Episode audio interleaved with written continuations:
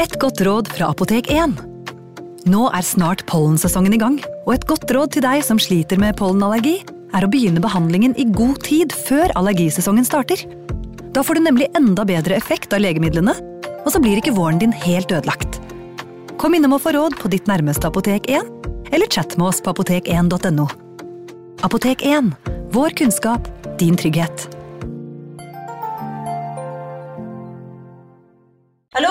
Jeg kommer fra Oslo politikammer.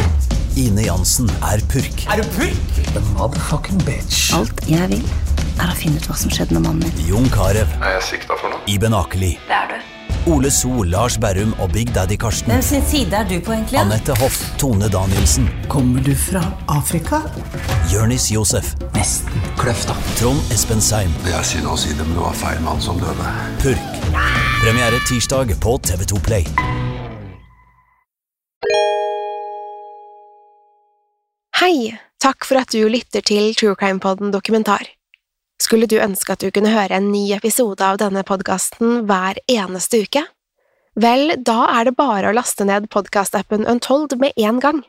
I tillegg til ukentlige episoder av podkaster som Skrekkpodden, Synderne og True Crime Podden, får du masse annet reklamefritt og eksklusivt innhold. Last ned Untold i AppStore eller Google Play, og start din 30 dagers prøveperiode i dag.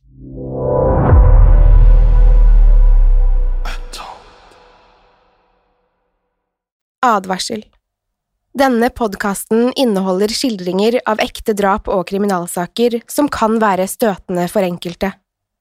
Det advares også mot sterke inntrykk i deler av episoden. Har du noen gang følt på en ubendig lengsel etter et annet menneske? Eller vært så oppslukt av noen at alt annet ser ut til å forsvinne? Noen ganger møter vi personer som gir oss en helt spesiell følelse, som forblir i tankene våre konstant. Vi ser dem for oss om natten, når vi drømmer, eller om dagen når vi dagdrømmer. Litt romantisk, ikke sant?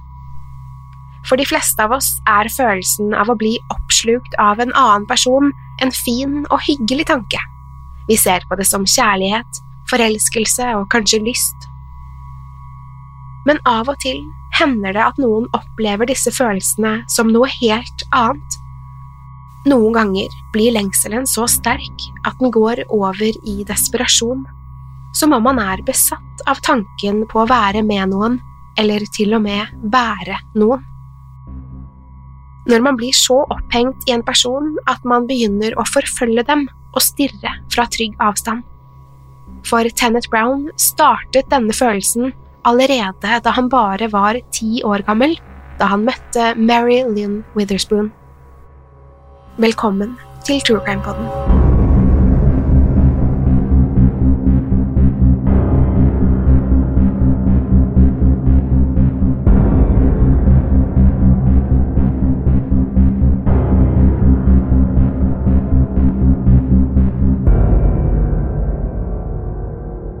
Marilyn Witherspoon ble født den 14. august 1950. Foreldrene Eleanor og Gamewell hadde fra tidligere tre døtre, Jackie, Kate og Jenny, men nå var flokken komplett. Marilyn vokste opp i Sumter, South Carolina, og ble av familien beskrevet som en ekte sørstatsskjønnhet. Med sin betydelige sjarm og vakre natur var hun manges favoritt, og familien mottok mye skryt av henne. Marilyn vant flere skjønnhetskonkurranser gjennom oppveksten, og søstrene måtte følge med fra sidelinjen mens hun håvet inn priser. Hun var en stjerneelev og mottok ærespris for sine akademiske bragder fra videregående skole. Det var nok ikke fritt for litt sunt søskenrivaleri, og søsteren Jackie var ofte litt sjalu på Marilyns utseende og gløgghet. Likevel var det umulig å mislike Marilyn. Hun var så full av gode egenskaper, vennlig, omtenksom, omsorgsfull og varm. Dette var bare noen av beskrivelsene som gikk igjen i nabolaget. Etter videregående skole studerte Marilyn seg til en bachelor fra universitetet i Rock Hill, South Carolina, og senere en master i Charleston. Det var her hun valgte å slå seg ned, og fikk snart jobb ved den offentlige skolen Charlestown Academy. Her underviste hun i fransk og elsket det. Marilyn var også veldig glad i og opptatt av hjembyen Charleston. Hun var et aktivt medlem av lokalsamfunnet, og fritiden brukte hun til å arbeide frivillig ved byens barnesykehus.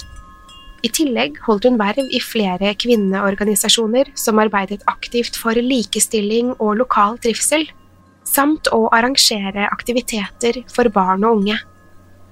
Hun møtte opp til gudstjeneste hver søndag og sto gjerne og pratet med andre kirkegjengere en stund etterpå. Snart traff hun også sin ektemann, en lege fra barnesykehuset. De fikk en datter sammen, som de kalte Jane.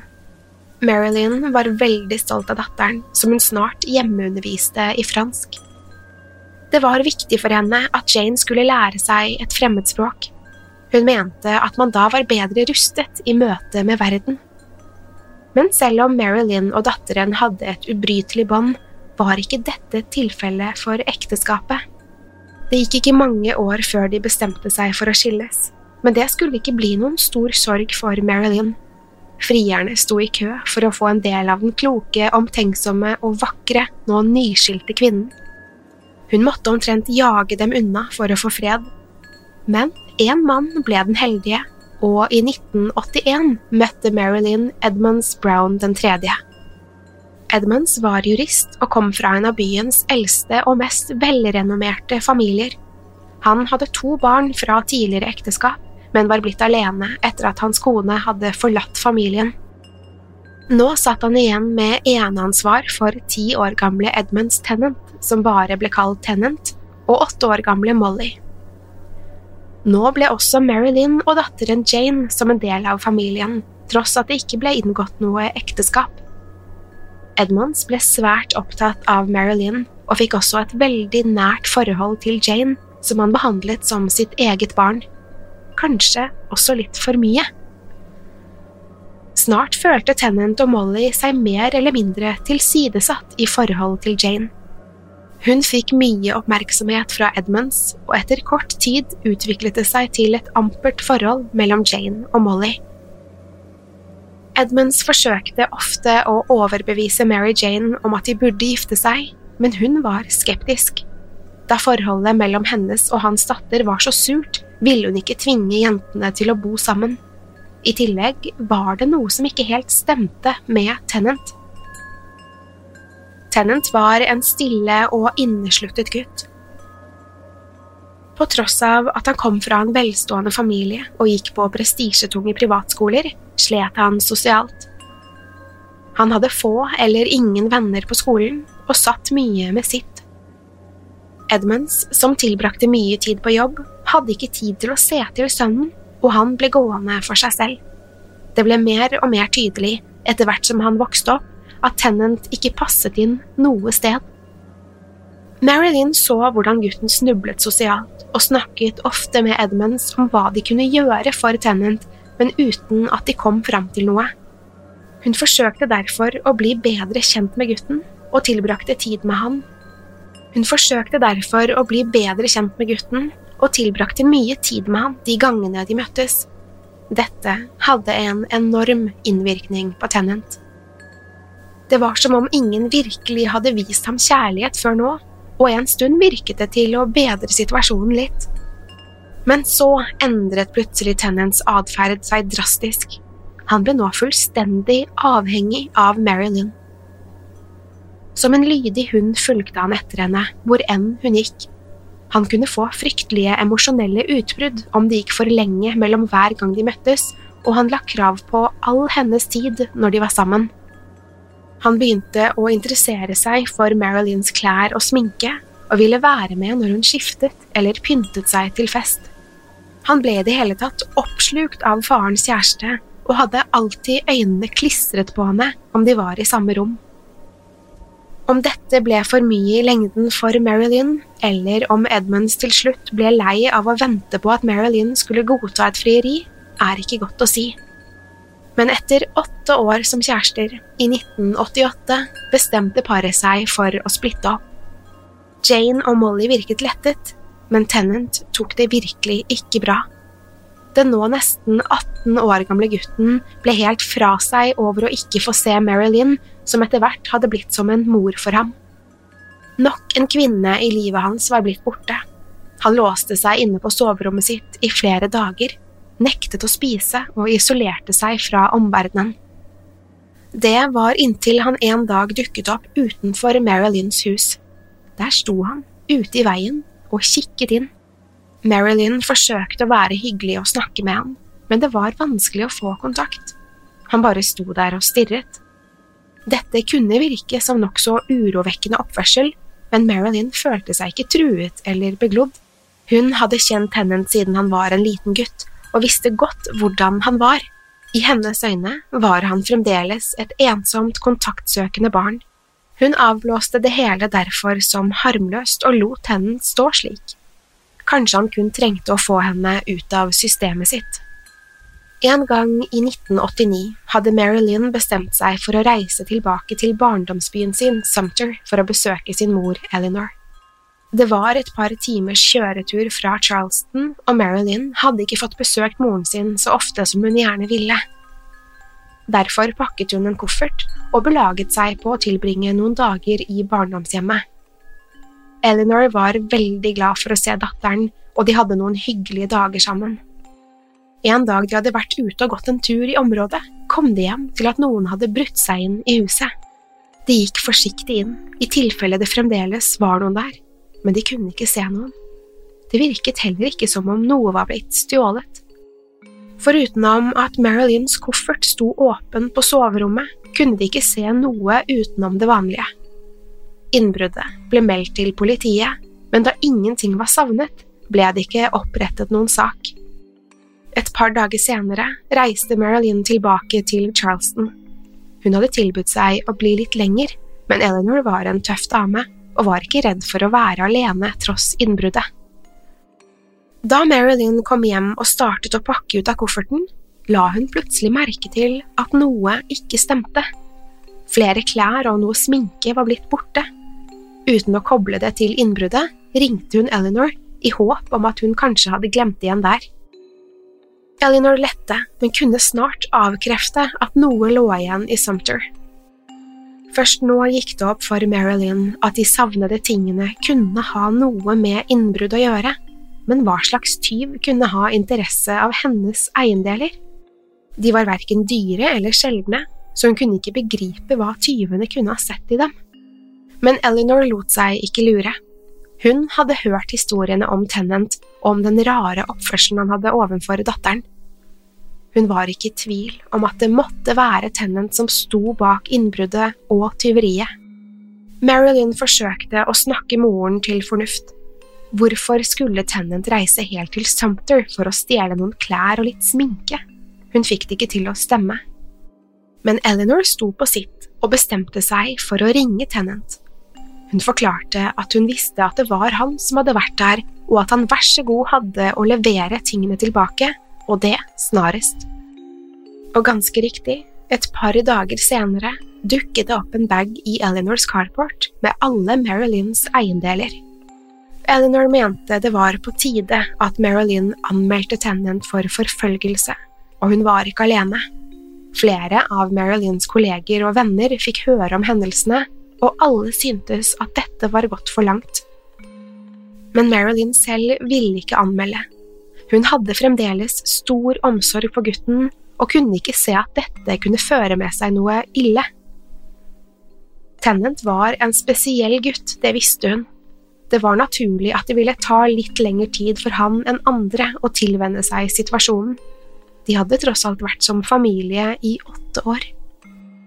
Likevel fortsatte Tennant å dukke opp utenfor Marilyns hus, tross skyllebøtten han hadde fått av Eleanor. Fremdeles sto han kun der og stirret inn mot huset. Dette var helt til en dag i 1991 at Tennant forsvant. Nesten som at hun forventet at han skulle stå der ute, kikket hun etter ham fra tid til annen, men Tennant dukket ikke opp. I begynnelsen syntes hun det var merkelig. Denne konstante forfølgelsen hadde blitt en del av hverdagen, og nå var hun nesten bekymret for hva som kunne ha hendt med ham.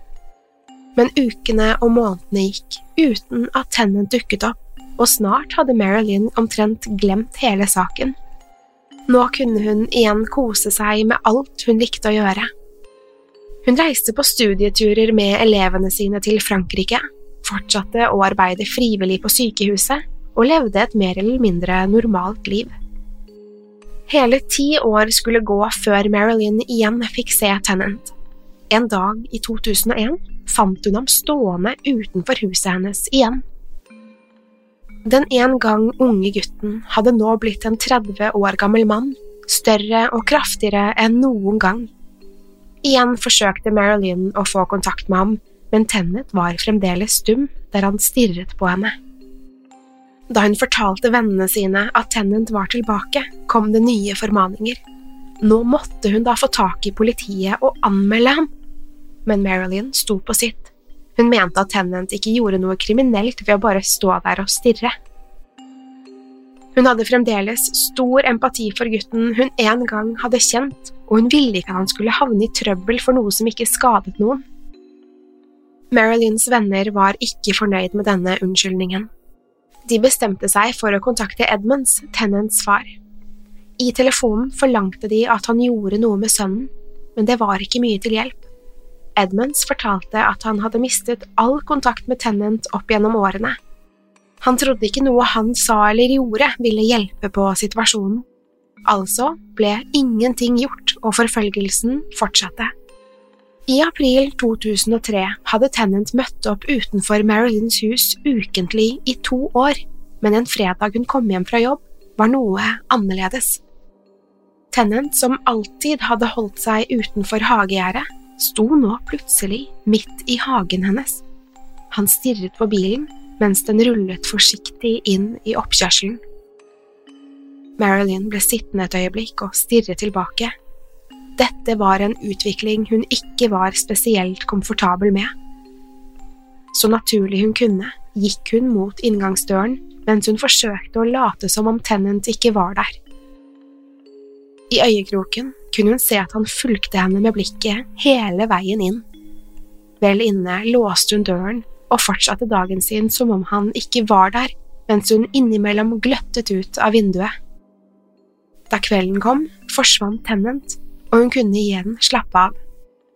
Dagen etter var en lørdag, og Marilyn hadde sovet lenge. Hun hadde nesten glemt alt om den uhyggelige episoden. Hun satte på kaffen på kjøkkenet før hun labbet ut på vaskerommet for å hente ut tøyet hun hadde lagt i tørketrommelen kvelden i forveien. Da hun skulle brette klærne, la hun plutselig merke til at alt undertøyet hennes var forsvunnet. Hun fortet seg tilbake til vaskerommet og tittet i tørketrommelen, men der var det helt tomt. På vei tilbake stanset hun brått. Hun hadde fått øye på noe gjennom vinduet og beveget seg sakte mot det mens blodet frøs til is i årene. Der, i hagen, sto Tennant igjen og stirret inn på henne. I hånden holdt han en bylt. Da hun kikket litt nærmere, kunne hun se at han holdt i et putevar, og gjennom åpningen kunne hun se at det var fylt med undertøyet hennes. Nå klarte hun ikke late som lenger, gikk mot ytterdøren og braste ut. Da Tennant så dette, slapp han putevaret og la på sprang. Nå begynte Marilyn å bli bekymret. Tennant hadde nå brutt seg inn i huset hennes mens hun sov. Etter dette gikk hun til anskaffelse av pepperspray og alarmknapp på nøkkelringen sin. Hun installerte også innbruddsalarm og ba noen politibetjenter hun kjente fra nabolaget om å holde et ekstra øye med huset. Dette hjalp en stund, og Tennant holdt seg mer eller mindre borte fra huset en periode men Marilyns familie og venner var ikke fornøyd, og søsteren Jackie maste støtt om at hun måtte anmelde ham. Marilyn var fremdeles nølende, men denne gangen var det ikke på grunn av hennes omsorg for gutten. Nå var hun redd for hva som kunne skje om hun anmeldte. Jackie påpekte at hun var mer redd for hva som ville skje om hun ikke anmeldte, og i juni 2003 ga Marilyn etter. Tennant ble arrestert og siktet for innbrudd og tyveri, men det viste seg ikke å være det hele. Tennant var nemlig allerede på prøveløslatelse for annen småkriminalitet noe som gjorde at han ikke kunne betale kausjon og løslates fram til domfellelsen. Han ble derfor sittende i varetekt. Etter arrestasjonen fikk Marilyn vite at i den perioden Tennant hadde vært borte, hadde han tjent i Kystvakten.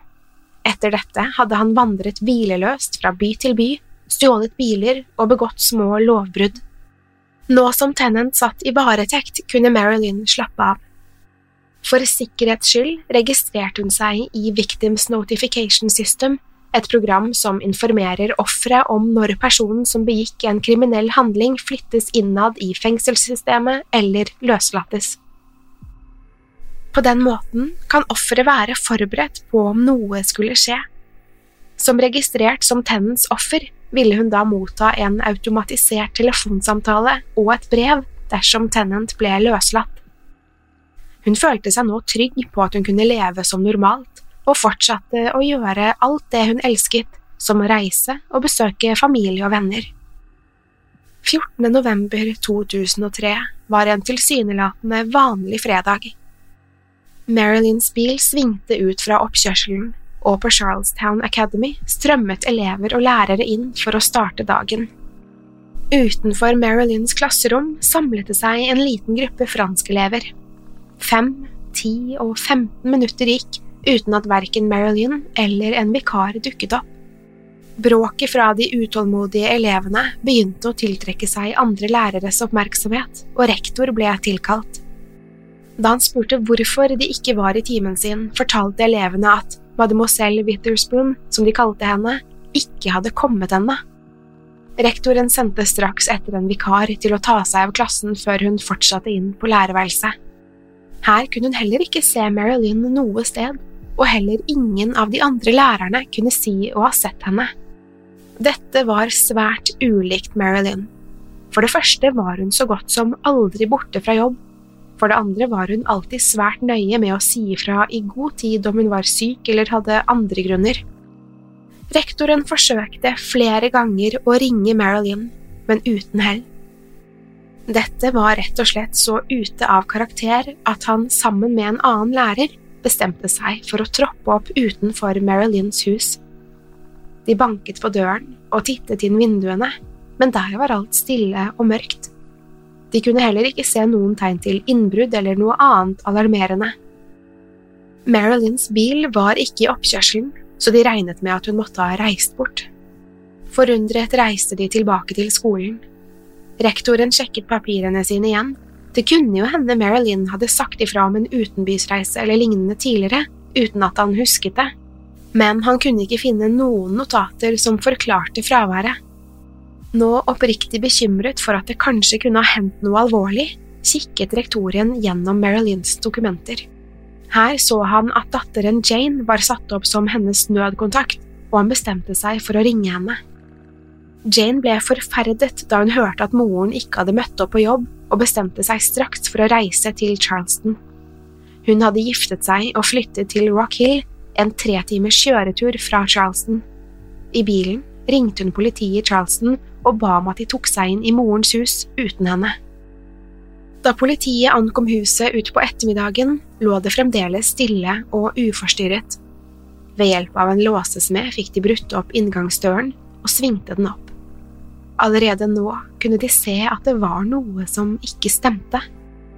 Marilyn var godt kjent av folk i byen, og de visste at hun alltid holdt det rent og ryddig rundt seg. Derfor var det høyst foruroligende å finne sko og et halvspist eple på gulvet rett innenfor døren, som om noen bare hadde slengt det fra seg. Videre kunne de se at kjøkkenet ikke var ryddet etter frokost. Fremdeles sto en tallerken med rester av egg på kjøkkenbordet. Da politibetjentene beveget seg opp trappen til andre etasje, ble alt bare verre. En av stenderne i trappeverket var brukket tvers av og hang på halv tolv ned fra siden. I dagligstuen oppe var det tydelig at huset var blitt ransaket. Skuffer var dratt ut, skapdører sto åpne, og klær og andre eiendeler lå strødd på gulvet. Videre inn på soverommet kunne de se at dette også var grundig gjennomgått, og flere av Marilyns klesskap så ut til å være ribbet. Men hvor var Marilyn selv? Da de forsiktig dyttet opp døren til badet, kunne de se at det også hadde fått samme behandling, og gulvet var pepret med baderomsartikler. Men i speilet kunne de se refleksjon av noe i badekaret. De steg inn, forsiktig med å ikke trå på noe. I badekaret lå den 53 år gamle skolelæreren, naken og uflidd, teipet på hender og føtter. De kunne raskt bekrefte at Marilyn var død, og at hun var blitt kvalt med bare hender. Store, røde fingermerker prydet den likbleke huden om halsen hennes. Ved videre undersøkelser kunne det også fastslås at Marilyn var blitt voldtatt før hun døde, og at hun hadde kjempet hardt før hun var blitt overrumplet. Selvforsvarsskader på håndflatene og på bena var et bevis på det. Dette ble et fryktelig slag for familien. Tapet av snille, smarte, omtenksomme Marilyn gikk spesielt inn på datteren Jane og søsteren Jackie. Da de ble avhørt i dagene som kom, var den eneste de kunne komme på som mulig gjerningsmann, Tennant. De kjente begge til hvor pågående han hadde vært, og hvordan han hadde forfulgt Marilyn over nærmere 20 år. Det var ingen andre de kunne se for seg kunne ha noe med dette å gjøre, men de visste også at det ikke kunne være Tennant. Han satt jo fengslet for lovbruddene sine. Eller gjorde han egentlig det? Det viste seg nemlig at Tennant etter kun tre måneder var blitt løslatt på ordre fra rettspsykiateren.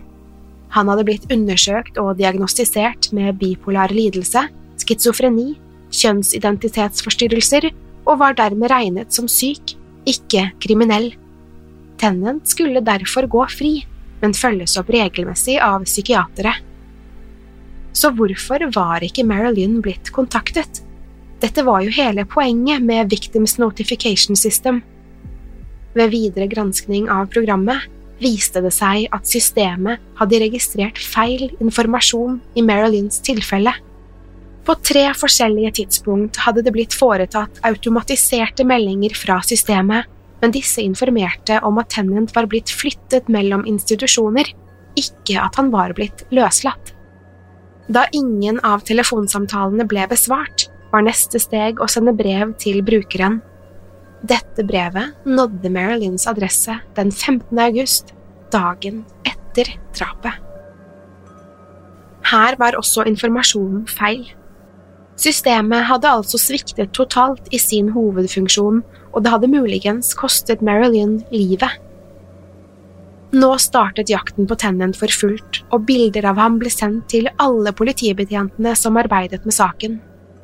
Det tok ikke lang tid før noen reagerte på at mannen på bildet virket urovekkende kjent. Tennant hadde nemlig vandret opp og ned gaten der Marilyns hus lå under hele etterforskningen. Han hadde stanset utenfor politisperringene og kikket inn på alt som foregikk. Dette var han ikke alene om, da flere nysgjerrige naboer hadde gjort det samme, men i Tennants tilfelle hadde det hendt flere ganger daglig. Politiet bestemte seg da for å legge en plan. De valgte å trekke etterforskningsteamet tilbake for å se om Tennant ville vende tilbake til huset, nå som det sto tomt. I en privatbil ventet to politibetjenter på hva som ville skje. De trengte ikke sitte der mer enn 20 minutter før Tennant igjen lusket rundt Marilyns hus. Da de stanset han for å stille noen spørsmål, fikk de raskt arrestert han, for i bukselommen hans fant de nemlig Marilyns husnøkler. Da de i arresten gjennomgikk Tennants personlige eiendeler, kom de over et flunkende nytt førerkort. Adressen på førerkortet var satt til Marilyns adresse, og det var ikke alt. De kunne også bekrefte at Tennant hadde på seg hennes klær da han ble arrestert. I Tennants bil kom de over papirrester der han hadde forsøkt å lære seg Marilyns underskrift. Som om ikke det var nok, ankom en pakke Marilyns hus noen dager etter drapet. Pakken inneholdt en blond parykk, sminke og brystformer. Politiet begynte snart å mistenke at Tennants plan hadde vært å overta Marilyns liv. De mente at Tennant hadde tatt livet av henne, og at han hadde tenkt til å kle seg opp som henne og leve hennes liv i håp om at ingen skulle merke noe. I avhør nektet likevel Tennant for å ha hatt noe med Marilyns død å gjøre. Dette til tross for at DNA-prøver gjort på åstedet bekreftet at Tennant sto bak det grusomme drapet samt voldtekten. I politiets rekonstruksjon av hendelsene mente de at Tennant hadde overfalt Marilyn idet hun var på vei ut døren, hvor hun hadde mistet eplet og skoene. Marilyn hadde forsøkt å verge seg, men Tennant hadde vært mye større og sterkere og raskt fått kontrollen. Herfra hadde han slept en kjempende Marilyn opp trappen hvor hun hadde sparket ut den avbrukne stenderen. Vel oppe hadde Tennant teipet henne fast og tatt seg til rette før han hadde kvalt henne til døde. Etter å ha plassert liket i badekaret mente politiet at Tennant hadde laget frokost på kjøkkenet. Han hadde spist deler av det før han forlot åstedet i Marilyns bil. Marilyns familie var knust. Hvordan kunne systemet ha sviktet så til de grader? Hvorfor var ikke Tennant blitt holdt i arresten, og hvorfor hadde ikke Marilyn fått beskjed om løslatelsen? Det viste seg at Tennant ikke hadde blitt ordentlig fulgt opp etter å ha mottatt diagnosene sine. Han hadde vært hos psykolog 10. november, og skulle også ha vært der den 12. Da hadde han ikke dukket opp, men dette ble aldri rapportert. Dette var ikke det eneste faresignalet i forbindelse med Tennants løslatelse. Det ble også oppdaget at han, mens han satt i varetekt, daglig hadde skrevet i en dagbok. Da denne ble gjennomgått etter drapet, var den utskrevet med Tennants manifest. Den inneholdt detaljerte beskrivelser av hvordan han skulle kvitte seg med Marilyn og islegge henne, som han skrev. Om dette betydde det samme som å kvitte seg med, eller om hans faktiske intensjon var å bevare Marilyns lik, vites ikke. Da rettssaken gikk av stabelen, valgte Marilyns familie at den skulle gå for lukkede dører. De ønsket ikke at Marilyns liv skulle prege avisenes førstesider mer enn det allerede hadde gjort. Etter overveldende bevisførsel mot Tennant innrømmet han til slutt straffskyld. Til tross for at statsadvokaten argumenterte for dødsstraff for Edmunds Tennant Brown den femte, ble dommen satt til livstid i fengsel uten mulighet for prøveløslatelse. Marilyns familie var lettet over at Tennant endelig fikk sin straff for alle årene med forfølgelse, innbrudd, tyveri og til sist drap. Likevel var de rasende over både varslingssystemene og rettssystemet som hadde sviktet Marilyn. Om Tennants psykiske lidelser var blitt tatt på alvor, og om Victims Notification System hadde gjort jobben, ville kanskje Marilyn Witherspoon vært i live.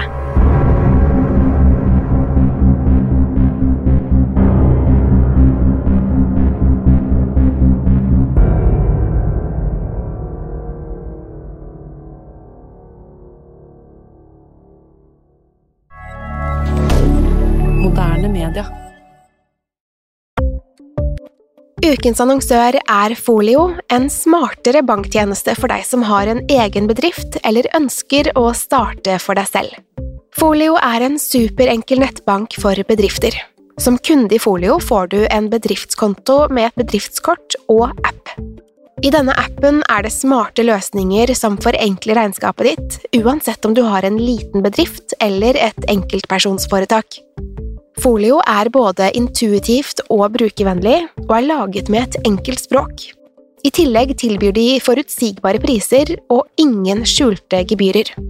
Skulle du likevel trenge det, så kan du snakke med deres raske og hyggelige kundeservice, og der får du prate med en faktisk person og ikke en chatbot. Folio er med andre ord både enklere og koseligere enn banken. Over 10 000 bedrifter har allerede valgt Folio som sin banktjeneste, så besøk folio.no og se hvordan Folio kan forenkle din hverdag også. Har du et enkeltpersonforetak eller en liten bedrift? Da er du sikkert lei av å høre meg snakke om hvor enkelt det er med kvitteringer og bilag i fiken, så vi eh, gir oss her, vi. Fordi vi liker enkelt. Fiken superenkelt regnskap. Kiwi er billigst i VGs matbørs og har vært billigst i fire av de fem siste VGs matbørser. Og nå presser vi prisene på frukt og grønnsaker. På 200 gram broccolini setter vi prisen til 24,90. På 400 gram Cevita blåbær setter vi prisen til 49,90. Og husk, alle Kiwi Pluss-kunder får i tillegg 15% trumfbonus på all fersk frukt og grønt. For det er vi som er prispresserne. Og vi i Kiwi gir oss aldri på pris.